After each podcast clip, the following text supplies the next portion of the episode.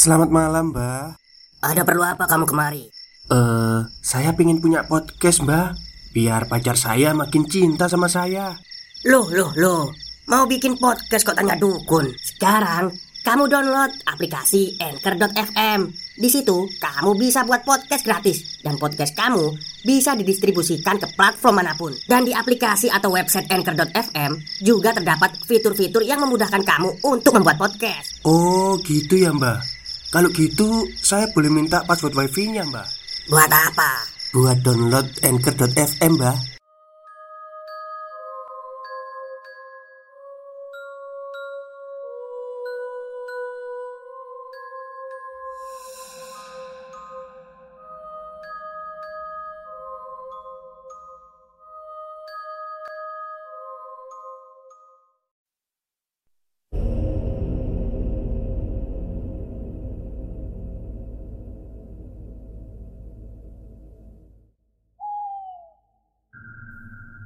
Assalamualaikum warahmatullahi wabarakatuh. Halo semuanya. Jumpa lagi dengan saya Chow Sing Sing Kurator dari podcast Horror Night Story. Halo apa kabar semuanya? Semoga kalian semua baik-baik saja ya. Dan seperti biasanya pada siang hari ini Saya kembali dan akan menghadirkan suatu kisah mistis untuk kalian semua. Kisah mistis kali ini saya dapatkan dari tweet twitternya Mas Kalong ya yang menceritakan tentang pengalaman PKL di rumah sakit suatu daerah. Oke, daripada kita berlama-lama, mari kita simak ceritanya. Kebetulan kemarin ada yang ngirim email Nyeritain pengalaman waktu PKL di salah satu rumah sakit di kota pelajar Cerita dari sudut pandang si narasumber ya. Tapi udah disamarkan semuanya namanya. Sebelumnya bagi yang tahu lokasinya Mohon untuk disimpan sendiri aja. Oke, kita langsung aja ke ceritanya. Hari yang dinanti tiba. Akhirnya Aku bisa merasakan gimana rasanya PKL Ya, walaupun banyak juga cerita mistis ketika PKL. Tapi bagiku, horor itu ketika aku telat menunaikan kewajiban sholat. Gak nutup kemungkinan juga kalau pas lihat setan. Rasanya seneng dan bahagia aja bisa bantu orang lain dalam PKL ini. Apalagi aku adalah seorang perawat. Kalau menurut cerita yang beredar, Rumah sakit ini katanya terkenal angker dan kebetulan aku kebagian yang di sana. Ya, walaupun hampir semua rumah sakit pasti angker, tapi mau bagaimana lagi? Dan ini adalah pengalaman seramku yang pertama. Teman-temanku biasanya manggil aku Putri. Aku kuliah di kota ini juga. Kebetulan waktu itu aku sudah selesai beberes untuk perlengkapan buat besok berangkat. Setelah semua siap, aku berangkat.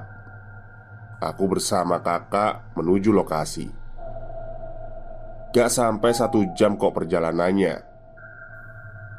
Tibalah aku di asrama. Waktu pertama kali aku menginjakan kaki di asrama, rasanya kok gini banget ya. Merinding aja liatnya. Ada kesan seramnya juga. Tapi aku coba untuk gak mikirin ke arah mistis. Takutnya nanti malah kejadian. Singkat cerita setelah memasuki minggu pertama masa PKL Kebetulan nih Aku kebagian shift malam dan waktu itu rekan shiftku ditemani sama tiga orang laki-laki dan tiga teman perempuan. Namanya Dian, Sasa, dan Mega. Nah, aku lupa jam berapa. Tapi malam itu aku jaga di bagian depan atau resepsionis salah satu bangsal bersama satu laki-laki namanya Agus. Dan teman-teman yang lain sedang muter bangsal buat ngecek satu persatu pasien. Semakin malam, karena juga semakin sepi, kok mendadak suasana jadi tegang mencekam gini ya. Tapi untungnya si Agus berinisiatif buat ngajak aku ngobrol. Jadi agak tenang walaupun masih merinding. Tapi begonya si Agus Kenapa dia malah nanyain yang menurutku malah bikin suasana tambah serem? Bayangin aja. Dia tiba-tiba nanya seperti ini. Put, kamu dengar ada suara orang ketawa nggak? Kayaknya suaranya ada di ruang sebelah. Tanya Agus. Siapa yang nggak ngesel coba? Suasana lagi kayak gini Eh si Agus malah bikin suasana tambah serem. Emang gak pekah tuh cowok. Sebenarnya aku juga dengar suara itu Tapi aku emang sengaja jawab gak dengar Biar Agus gak nanya lagi. Eh malah ngadi-ngadi nih bocah. Dia nanya lagi kalau ada bau melati. Nah kan Emang bener-bener si Agus Gak lama tiba-tiba ada suara manggil Agus. Ternyata Roni yang manggil. Agus pun langsung pergi. Sekarang aku sendirian di depan. Bayangin aja. Gak ada siapa-siapa. Pak Satpam yang biasa jaga di dalam pun juga gak ada. Gak tahu ke mana. Sepuluh menit kemudian Kok dari arah koridor Aku kayak ngedenger ada suara langkah kaki. Dan itu nggak cuma sepasang Kayak rame gitu. Nah Pas aku tunggu-tunggu Kok nggak sampai-sampai nih orang? Aku tengok nih ke arah suara. Dan ternyata Gak ada siapa pun. Mulailah aku ketakutan. Pokoknya campur aduk gitu rasanya Keringat dingin, gemeter Dan kakiku gak mau berhenti gerak Kayak tremor gitu. Nah, pas posisi kayak gitu Apesnya lagi aku harus ganti pembalut. Pokoknya malam itu aku sial banget. Intinya Aku doa aja sebisaku Aku jalan cepet ke toilet yang deket dan langsung ganti pembalut. Nah, ini kejadian yang paling serem kalau menurutku. Ketika aku selesai ganti dan pembalut udah aku kemas sedemikian rupa biar ketutup rapet Terus aku buang ke tong sampah. Nah, pas lagi cuci tangan di wastafel Otomatis kan kalau ada cermin pasti ngaca dulu lah. Tiba-tiba Duduk Sek. Tahu nggak suara apa itu? Itu suara bak sampah jatuh dan pembalutku kebuka. Dan di sana Dengan jelas banget aku ngelihat ada sosok perempuan pakai baju putih. Mukanya pucet banget Rambutnya panjang dan ngesot Sedang jilatin. Padahal itu udah aku bersihin. Seremnya lagi Pas dia udah selesai jilatin gitu Perempuan itu langsung natap ke arahku. Aku bener-bener gak bisa gerak waktu itu. Tubuhku kayak nge-freeze. Mau ke mana-mana gak bisa. Yang aku inget Aku kebangun di ruangan yang udah ada teman-temanku. Itu kejadian pertama yang paling serem. Masuk minggu kedua Teror perempuan yang ngesot itu gak ada. Tapi ada yang serem juga Kali ini aku lagi sama Sasa. Kejadian juga di malam hari. Waktu itu aku sama Sasa lagi muter bangsal sama ngecek pasien. Kebetulan rumah sakit ini lumayan luas. Jadi ya lumayan capek juga. Nah, pas kita jalan ke lorong atau koridor setelah keluar dari ruangan pasien, Kok tiba-tiba aku kayak nyium bau melati? Merinding nih. Terus aku tanya dong ke Sasa Kalau dia apa nyium juga. Dan ternyata dia juga nyium. Kita saling tatap Larut dalam pikiran kita masing-masing. Kira-kira ada apa nih? Kok mendadak nyium aroma melati? Kita terus jalan agak cepat Sampai ketika belok Tuh kita kelihatan banget Di koridor lorongnya panjang Kita berhenti. Saling pandang pokoknya udah mikir yang serem-serem. Apalagi kalau bukan kayak di film-film Tiba-tiba lampu mati satu persatu. Intinya aku mikir Gimana caranya Sampai di ujung tanpa ada gangguan setelah berpikir, ya nggak ada jalan lain selain menyusuri lorong rumah sakit itu. Kita gandengan. Sempet aku ngeremes tangannya Sasha karena emang takut. Nah, pas sampai di tengah itu percabangan, aku sama Sasa melihat ada perempuan pakai baju pasien lagi berdiri gitu di sisi lorong sebelah kanan. Akhirnya kita samperin sih si pasien itu Kita tanya-tanya Kok malam-malam gini keluar Nah pas udah sampai di belakangnya Aku sapa kan si perempuan itu Kalau dilihat dari belakang itu kayak mbak-mbak gitu Rambutnya sepinggang Tapi agak acak-acakan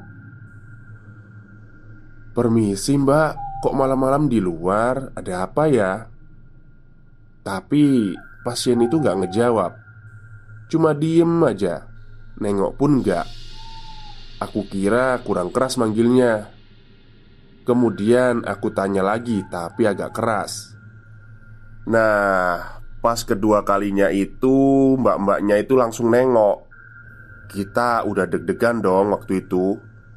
Bayangin Kalau tiba-tiba mukanya hancur atau gimana Kan kita nggak tahu kalau di film-film Pasti itu ada musik yang gemuruh gitu kan Terus jump scare.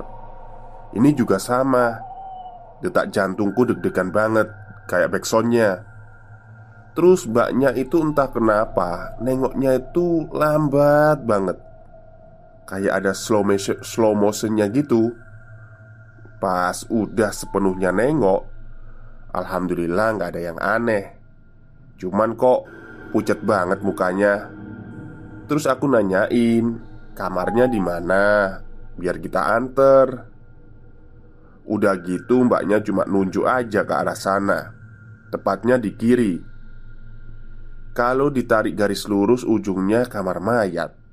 Tapi kita nggak mikir Atau nggak mungkin juga sih mbaknya ke sana. Lagian juga nggak kelihatan kalau setan. Tapi ternyata aku salah sangka jadi Pas kita nganterin mbaknya Jalannya itu pelan banget. Jadi pas kita ngikutin di belakang juga nunggu lama. Kita terus jalan ngikutin mbaknya. Tapi kenapa mbaknya nggak berhenti ya? Padahal kita ngelewatin beberapa kamar. Nah, di sini kita mulai mikir aneh-aneh. Apa bener ini mau ke kamar mayat? Ternyata Bener. Si Sasha itu udah mulai nangis. Kelihatan banget matanya udah berkaca-kaca. Nah, gak lama juga Dari depan tuh kayak ada yang naik sepeda rumah sakit. Ternyata si Agus sama Roni lagi muter juga. Di situ kita mulai lega dan ada temennya. Tapi anehnya Mereka tuh kayak ketakutan juga. Jadi nyelonong aja, gak manggil atau gimana. Yang bikin aku sama Sasha tambah takut Pas pandanganku ngikutin mereka pakai motor sepeda itu Aku lihat banget mukanya Tegang Kayak dikejar setan. Pokoknya Mencekam banget deh malam itu. Tiba-tiba Aku sama Sasha nggak sengaja nabrak mbaknya yang ada di depan kita Bruk Spontan dong, aku sama Sasha minta maaf. Tapi di sini kita nemuin kejanggalan lagi. Ketika aku dan Sasha nabrak, aku bener-bener yakin kalau aku nyium ada aroma busuk. Aku yakin banget. Dan aku langsung refleks dong nutup hidung, terus nyari-nyari di mana. Bener kan? Kayak aromanya itu busuk banget ada di depan kita. Kita saling tatap dan sama-sama nutup hidung. Jadi, posisinya kita ini di belakang mbaknya persis. Gak lama gitu, mbaknya itu ketawa. Ketawanya itu kayak manja-manja gimana gitu. Kayak dia tahu kalau kita lagi keganggu sama busuk bau busuk itu. Kita mundur pelan-pelan.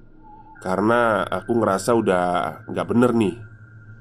Pas aku punya pikiran kayak gitu Mbaknya nengok. Bener-bener nengok. Tapi badannya nggak ikut gerak. Cuma kepalanya aja yang berputar ke belakang.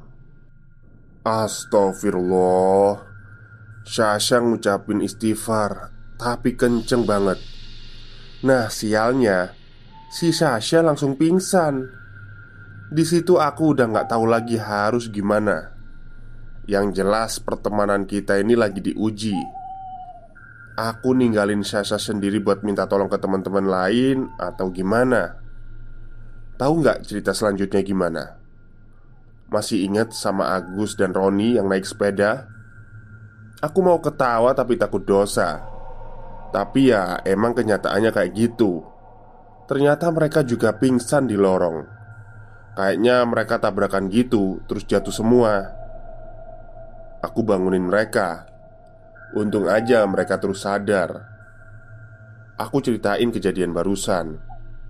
Tapi karena masih dirundung ketakutan, mereka nggak berani.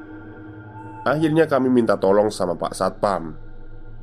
Sebut saja namanya Pak Basuki. Beliau sudah lama sekali kerja di rumah sakit ini. Stop, stop. Kita break sebentar. Jadi gimana? Kalian pengen punya podcast seperti saya? Jangan pakai dukun, pakai Anchor. Download sekarang juga. Gratis. Dan cerita tentang suster ngesot dan perempuan yang aku temui tadi juga memang ada. Pokoknya Pak Basuki ini juga salah satu korban mereka. Singkatnya, kami akhirnya ditemenin oleh Pak Basuki untuk nolongin Syasha. Kebetulan Agus yang kuat karena di antara lelaki Agus badannya yang agak atletis tapi penakut Setelah dibopong dan dimasukin ke ruang perawat Gak lama Syasha sadar Setelah digosok pakai minyak kayu putih. Di dalam ruangan itu sampai heboh cerita malam itu. Sampai para karyawan yang jaga pun ikut ketakutan. Menjelang pagi kita balik ke kos. Aku dan Sasha, Dian, serta Mega Emang sengaja nggak mau tinggal di asrama? Kita lebih memilih ngekos. Lebih leluasa kalau mau ke mana-mana. Sebenarnya masih ada beberapa minggu lagi nih. Dan itu semua kita mengalami kejadian yang serem. Masuk ke minggu ketiga. Jadi kami udah sepakat untuk menceritakan kejadian masing-masing setelah kami selesai PKL Jadi waktu itu kami lagi di kosan Kami cerita semuanya Ternyata Memang kita-kita itu dikasih kesempatan mereka buat mempunyai pengalaman serem di sana. Dan yang lebih parahnya lagi itu ceritanya si Dian. Tapi aku mau masuk ke ceritanya si Mega dulu. Di sini aku pakai sudut pandang yang sama ya. Aku Mega.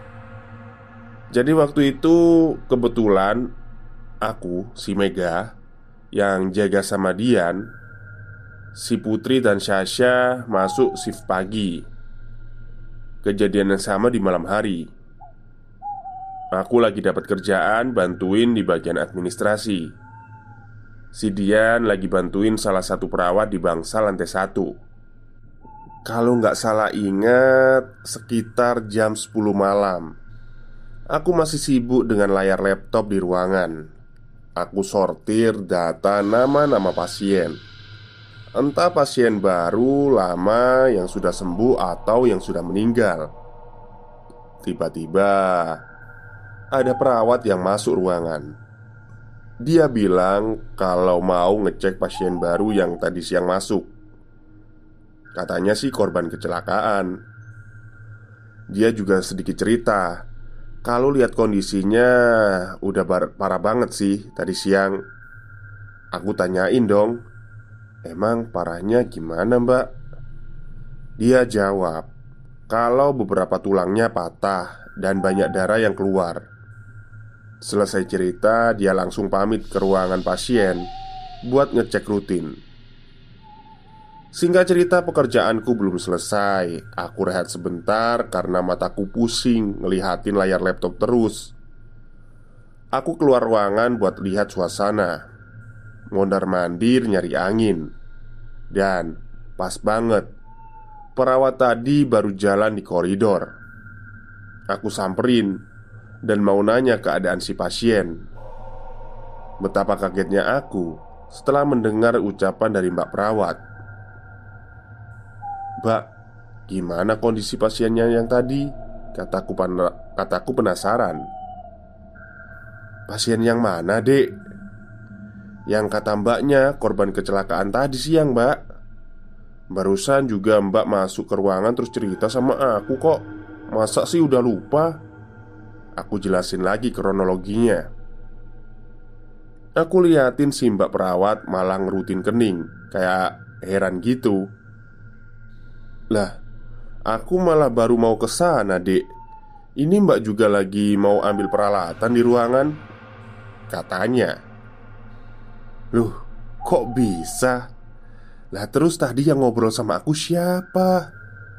Aku ngeremeng sendirian dong Sekarang aku yang jadi parno sendiri Gimana enggak? Orang tadi aku ngobrol sama si mbaknya kok Masa iya aku ngobrol sama setan? Sambil ngebatin sih Tapi mbaknya nggak ngegubris omonganku Dia malah diem aja terus berlalu meninggalkan aku. Karena aku juga penasaran, aku ikutin tuh si mbaknya. Mbak, aku ikut ya, boleh?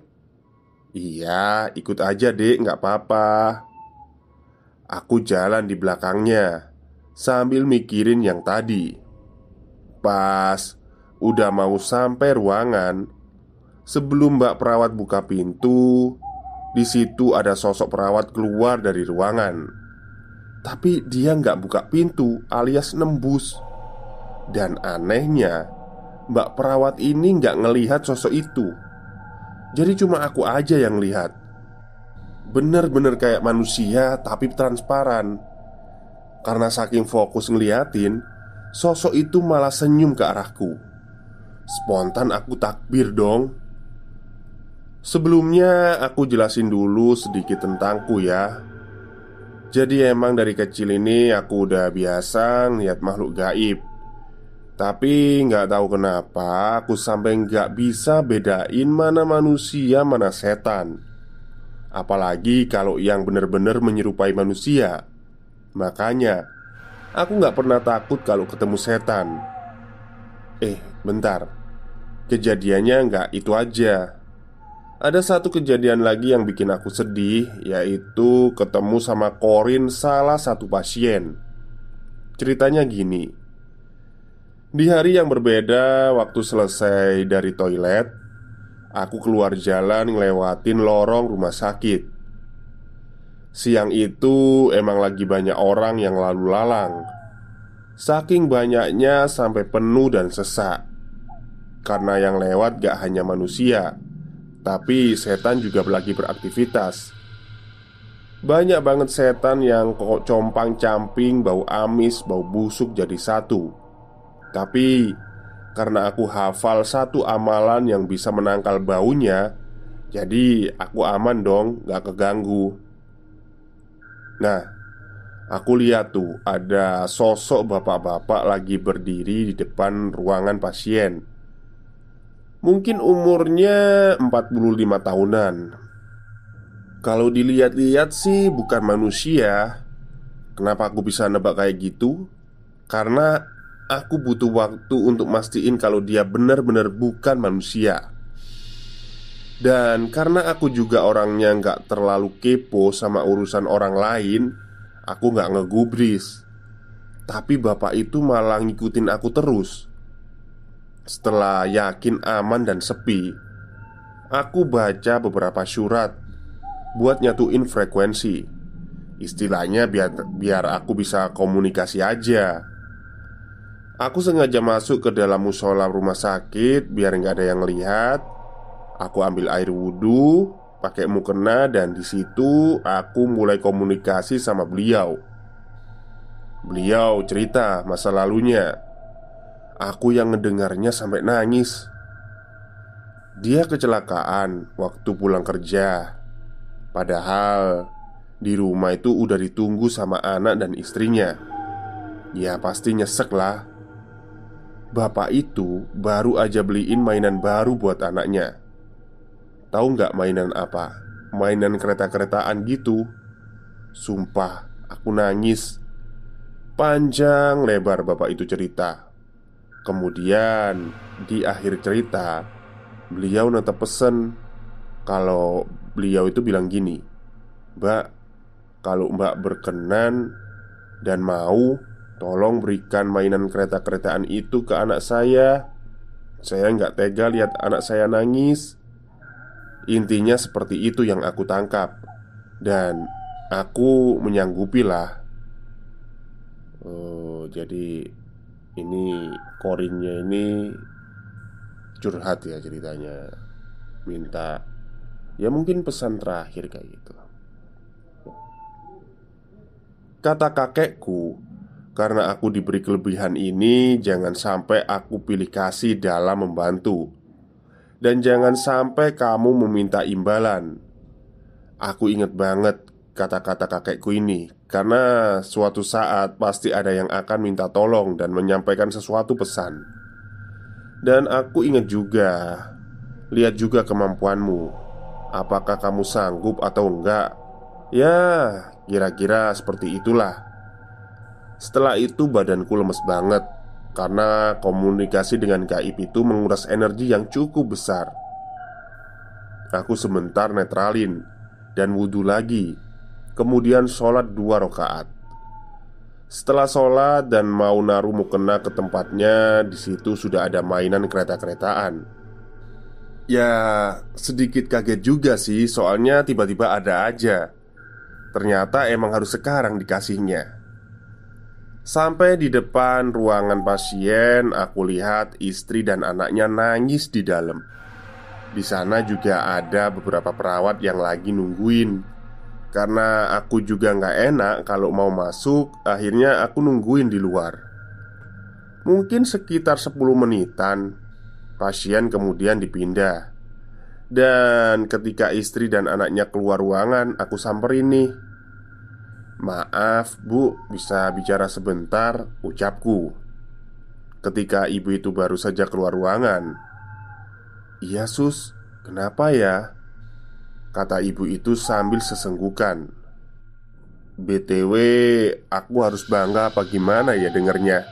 Soalnya aku dipanggil sus. Jadi agak baper juga sih, seneng. Oke, balik lagi ke cerita. Rasanya aku gak kuat Aku juga pingin ikut nangis di situ, Tapi aku tahan. Dan bener-bener nyesek banget kalau mau nyeritain. Karena aku juga udah janji sama almarhum. Akhirnya saat itu juga aku ceritain semuanya. Kita duduk di kursi memanjang depan toilet Maksudnya depan loket pembayaran. Beberapa orang lalu lalang Dan suara speaker di beberapa sudut sana juga berbunyi manggil-manggil satu persatu antrian. Dan di akhir cerita aku berikan mainan itu kepada istrinya. Ini adalah mainan yang dibeli almarhum sebelum kecelakaan Yang nantinya mau diberikan untuk anaknya Dan Betapa sedihnya ibu itu sampai aku dipeluk Dan berkali-kali mengucapkan banyak terima kasih Sampai Si ibu juga beberapa kali menanyakan sosok suaminya. Apakah dia masih di sini atau enggak?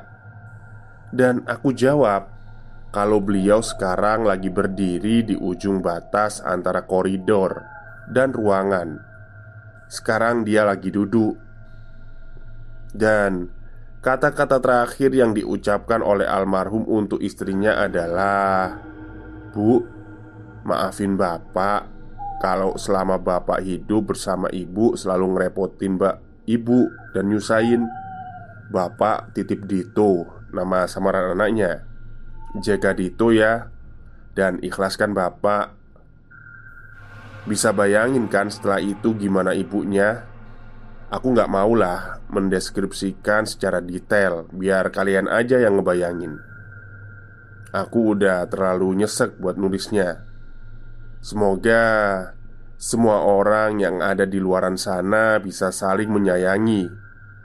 Jangan sia-siakan dia Apalagi orang tua. Bagaimana orang tua kita banting tulang mencari nafkah dengan susah payah membesarkan kita Memberi kita kasih sayang, cinta Ya, untuk kita. Ya, karena kelak kita juga bakal menjadi orang tua Ya mohon dipahamilah Sayangi orang tua kalian. Ya, sekian dulu untuk cerita kali ini. Aku lanjut besok di kisahnya Sasha dan Dian. Makasih buat para pembaca yang udah mau baca tulisan ini. Mungkin jauh dari kata sempurna. Terima kasih Oke, itulah akhir cerita pada siang hari ini dari tweet twitternya Mas Kalong Yang menceritakan PKL di rumah sakit Sebenarnya lebih banyak sedihnya ya di dalam cerita ini ya. Saya juga waktu baca ngebayangin lah bagaimana perasaan si bapak untuk anaknya itu. Jadi meskipun udah meninggal ya, ternyata bapaknya itu benar-benar pingin ngasih mainan yang dibelinya buat anaknya itu. Makanya ketika kalian orang tua kalian masih ada itu yang nurut. Ya ya disayang lah. Jangan bentak jangan berani sama orang tua. Karena ketika mereka udah nggak ada itu kita pasti ya udah nggak bisa ngapa-ngapain gitu soalnya orang tua kita itu adalah ibaratnya itu jimat kita lah oke Mungkin itu saja yang bisa saya sampaikan pada siang hari ini. Kurang lebihnya saya mohon maaf. Wassalamualaikum warahmatullahi wabarakatuh.